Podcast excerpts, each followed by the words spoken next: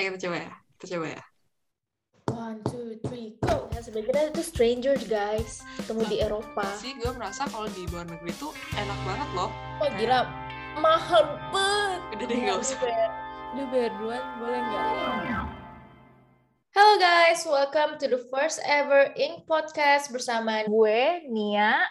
Dan gue, Kiki. Nah, jadi ini, eh nah, ayo nah. ini tuh sebenarnya spesial kenapa Ki? Karena ini debut pertama kita nih. Oh my god. jadi maaf ya guys kalau misalnya kita agak awkward.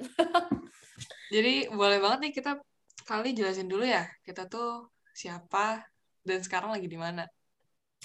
Iya kayak kalau kita udah ngomong itu orang bakal kayak wah, Astagfirullahaladzim, turun-turun. Jadi sekarang ini gue tinggal di Belanda. Udah tiga tahun. Dan gue sekarang merupakan mahasiswa di Indonesia. Oh jadi, dah. Tapi lu sekarang di Belanda?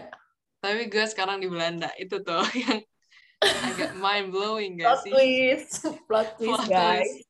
Kalau lu gimana nih? Lu bisa di Switzerland sendirian? Ya kalau gue sih nggak tiga tahun ya. Jujur gue baru datang ke Eropa ini uh, awal Januari 2021.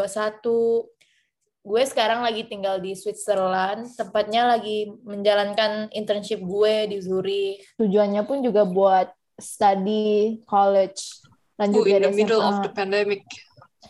Yeah, in the middle of pandemic. I don't know why gue milihnya Januari kemarin. Because like dari Januari ke jarak gue lulus SMA tuh udah cukup lama. Udah kayak enam bulan gue nganggur. Dan gue mikir, okay, it's a new year, it's a fresh start, so better start going. Langsung Wih. cus keluar.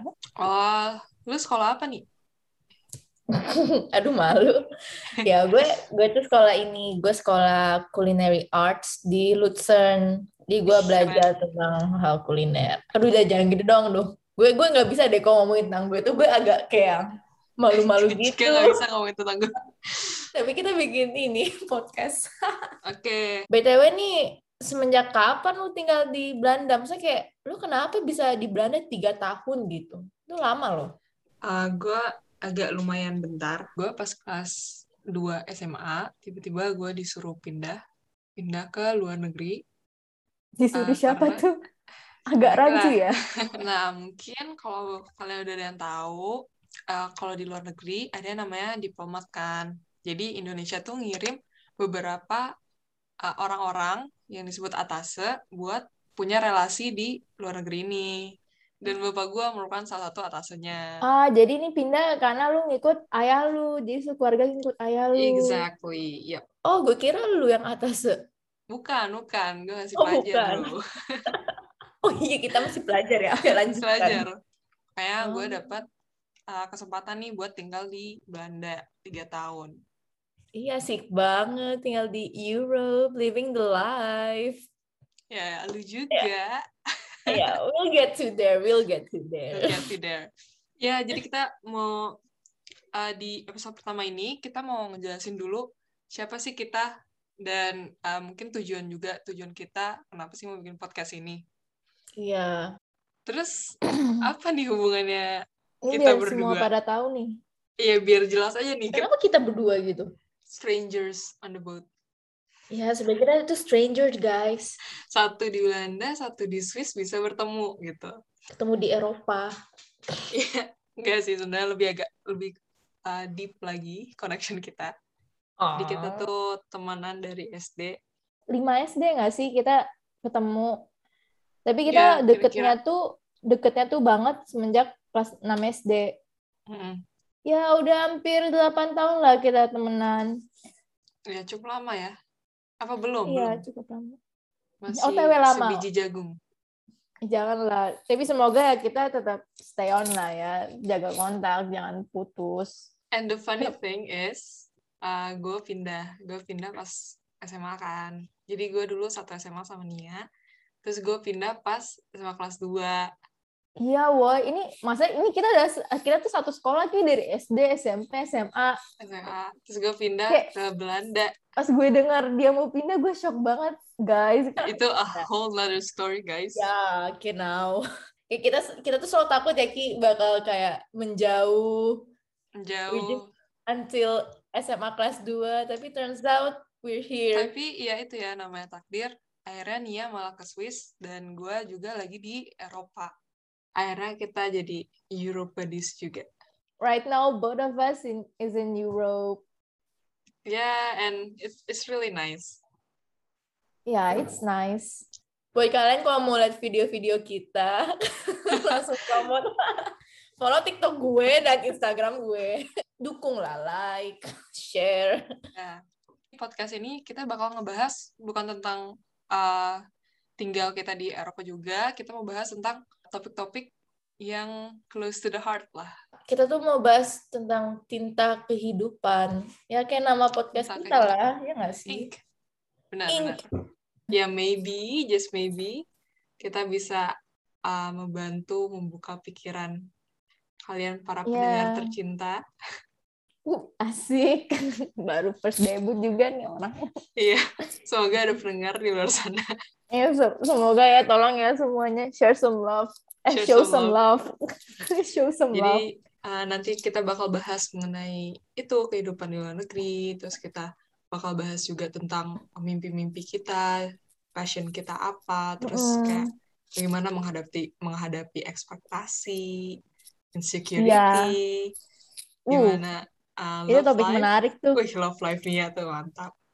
aduh eh tolong jangan buka kartu astagfirullahalazim pip Terus kasih sensor ya guys pip Terus kita bakal uh, membahas juga source of happiness kita tuh gimana sih?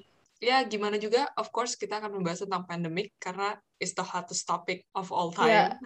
lagi hot topic karena surely gue yakin karena pandemi pasti itu udah it affects us all Hmm. One way or another. Dan tentunya, jika kalian punya tema-tema lain, topik-topik lain, boleh banget nih kasih tahu Ya siapa aja. tahu siapa tahu kita bisa ngembangin or you can see dari perspektif kita berdua.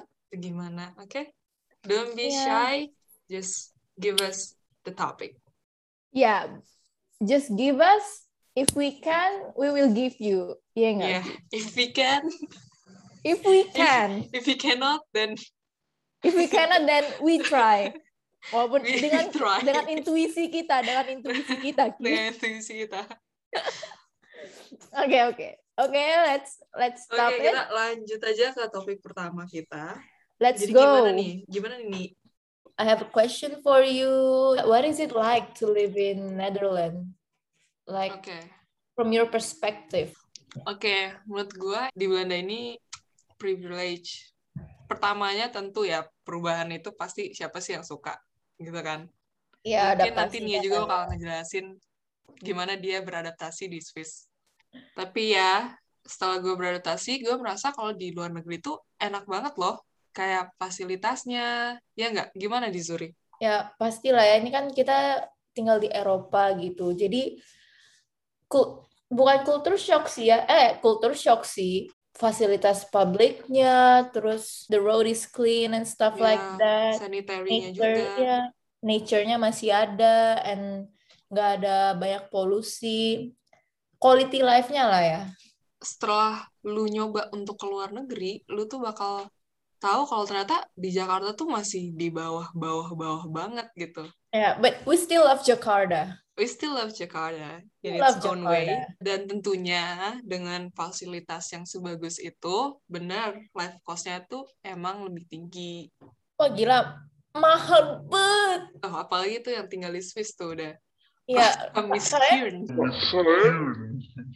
kalian kalau jadi Kiki pasti capek deh dengar de- dengar gue ngom- nggak ngomel tapi kayak gue merasa mahal banget di sini emang mahal banget Tapi keep in mind kalau misalnya kita itu datang dari Indonesia, di mana emang Hmm, kita tuh masih berpacu pada rupiah gitu kan. iya Sebenarnya kalau misal kalian tinggal langsung di negaranya, kayak kalian emang kerja di sini, ya it's not that bad guys. Di Belanda UMR-nya tuh emang lebih tinggi, jauh lebih tinggi. Kayak UMR Belanda. apa deh mungkin ada yang nggak tahu nih UMR bisa jadi kan Mungkin dia bisa jelasin. Aduh, nggak ada yang siap nih. Maaf Ya, guys. ditanya. You know lah ya, UM- UMR itu apa. pokoknya gaji rata-ratanya. Ya, baik kalian mau tahu UMR itu adalah upah minimum regional. Oke. Hmm. Nah, Jadi- lanjut Ki. Ya, jadi di Belanda tuh kira-kira berapa kalian digaji minimalnya gitu. Ya, 1.500 euro. Kira-kira Hmm, berapa ya? Lebih dari, ya udah 20 jutaan. Dan itu Wow. UMR. Jadi bayangin kalau misal kalian bukan UMR gitu. Iya, kalau udah dari- kayak CEO, Iya, manager, CEO stuff like atau that. kayak ya manager gitu kan. Sedangkan kalau dibanding Indonesia empat 4 setengah juta. bukan sih? Oh iya, empat setengah. Empat setengah juta. Iya jujur karena sekarang gue kan lagi internship ya Ki. Mm-mm. Anak internship aja gajinya per bulan itu grossnya 2.200 Swiss franc. Wow. Anak Dari- internship dari loh. doang. Wow. Gimana pas dapet kerja asli ya? Iya kalau kerja asli itu kayak udah bisa 3.000 ke atas deh. Makanya kayak ya itu bedanya kan. Maksudnya living cost-nya tinggi dengan gajinya juga ya tinggi sesuai aja Tinggi, gitu. iya. Ya, but still antara sel- uh, selain living cost, tapi mereka juga ini sih, yang gue kagum dari pas pindah ke Switzerland ini, sama pas gue ngunjungin lu, we'll talk later, itu public facility-nya, Hmm, gedung-gedungnya, clean road-nya, jalanannya itu, wah, amazed banget sih. Bener sih, gue juga ngerasa kayak fasilitasnya tuh emang lebih bagus. Dan mungkin karena ini juga kali ya gajinya juga, eh gaji, pajaknya juga emang tinggi ya. Iya, pajaknya tinggi sih. Tapi ya emang win to win ini nggak sih mutualisme mereka Hmm, tuh. hmm, hmm. Kayak benar gitu. Lu Emang bayar bener, ke iya. negara, ya lu dapet gitu. Iya, kayak gimana ya? Kita dibayar tinggi bener yang kayak Kiki bilang. Ya itu sih yang harapan harapan gua kalau misalnya Indonesia tuh bisa maju. Cuma masalahnya apakah ada hubungan yang baik gitu antara rakyat dan pemerintah. Iya, lu. Marilah kita berdoa kepada Indonesia tercinta kita ini ya. Ya pro and cons, di mana emang living cost-nya agak mahal, tapi emang salary-nya juga lebih tinggi. Ya, but at the end itu tergantung lifestyle hidup kita sih. Ya nggak sih? Benar-benar, benar sih. Mm-mm. Gimana lu? Ini ya, borju ya nih ya? Oh gila, lu lu menganggap gue borju setelah apa yang setelah lu melihat berapa pelitnya gue. Iya, sebenarnya tuh kita berdua pelit. Jadi, Kita pelit banget guys. Karena kita pas Iya. jalan berdua tuh kita bener-bener kayak udah deh "Ya, nggak lu usah. Lu bayar duluan boleh nggak? Tapi gue kayak ya udah nggak apa-apa, udah nggak apa-apa. Tapi soalnya kayak Ki ini bayar gimana? Terus mungkin ini ya, yang sering ditakutin juga masalah makanan gak sih nih? Hmm, hmm, hmm. Makanan. Kenapa makanan? Kayak kalau di luar negeri tuh, aduh makanannya nggak enak. Iya nggak sih? Kayak Eh, roti hold on, hold on. Karena kita lidahnya lidah Asia, udah kebiasa sama bumbu-bumbu kan. Iya, tapi Like, ternyata it's not that bad, ya nggak sih? Kenapa? Kalian yang masih takut uh, bakal kangen sama Indonesia, mending kalian ke Eropa-nya itu ke Belanda aja.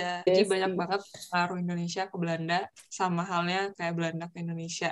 Bisa tuh nemuin nasi goreng, sate padang, bakso, rendang di Baksonya the best, guys.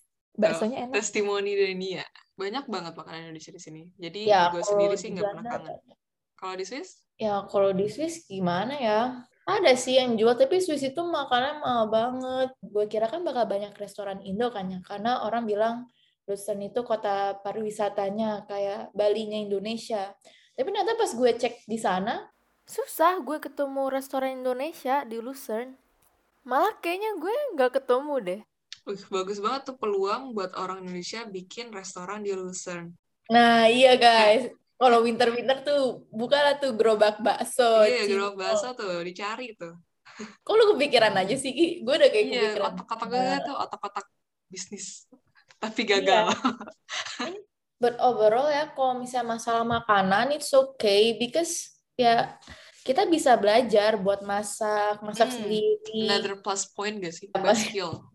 Nambah skill masak iya asal ya kita mau dan bayar bumbu-bumbunya yang Hmm. agak mahal. Tapi ya jadi masalah makanan bisa dikesampingkan. Untuk yang lainnya worth it sih. Worth it Enak. banget sih. Gue Iya juga kan? sama sih. kayak di sini gue merasa lebih sehat aja karena ya itu kembali lu bisa jalan-jalan terus bisa sepedaan dan Hmm, di sini juga sepedaan. kayak lu bisa makan salad di mana itu tuh lebih murah gitu loh kalau di Indonesia gue lihat salad tuh kayak seratus ribu kalau gue pesen makanan di Indo tuh porsinya tuh nggak sesuai yang ekspektasi gue gitu pernah nggak lu lihat salad Pernah sih? Itu nggak sih 100.000? salad-salad yang kayak sandwich gitu? Itu harganya bisa sampai 140 50 Iya, ribu. dan kayak wah gimana ya? Kalau gue pesen makanan di Indo tuh porsinya tuh nggak nggak sesuai yang ekspektasi gue gitu. Padahal harganya tuh udah lumayan menurut gue. But we still love Jakarta. Still aja ada for all the Jakarta ya, lovers out there. Kita masih Ya. sayang sama Jakarta. Kita kita dari Jakarta juga. Kita kangen malah sama Jakarta. But still. But still, I'm very happy living abroad. Yeah, I'm also happy living, studying in Europe, Switzerland. Yeah, but of course, like there's a lot of factors dari Indonesia yang bikin kita tetap kangen. Ya, teman-temannya, atmosfernya, ya macet gitu gue kangen lah dikit. Ya, so like this is our first episode. Jadi kita harap kalian semua bakal kayak tetap with us until the end. Yaitu kita nggak tahu kapan akhirnya, tapi we hope that this will bring you many positive things for Semoga your kita bisa membuka pikiran kalian sedikit demi sedikit. Yeah, and if you want to know more about something, ya just contact us and then maybe kita bisa angkat topik itu ya nggak? benar. Follow us and share Spread by the sharing to your friends and click yeah, the follow spread the button. ink love. Spread the ink love. Bye. Bye. Oh, Karena menurut gue ini adalah kesempatan di waktu yang salah. Banyak ya shocknya.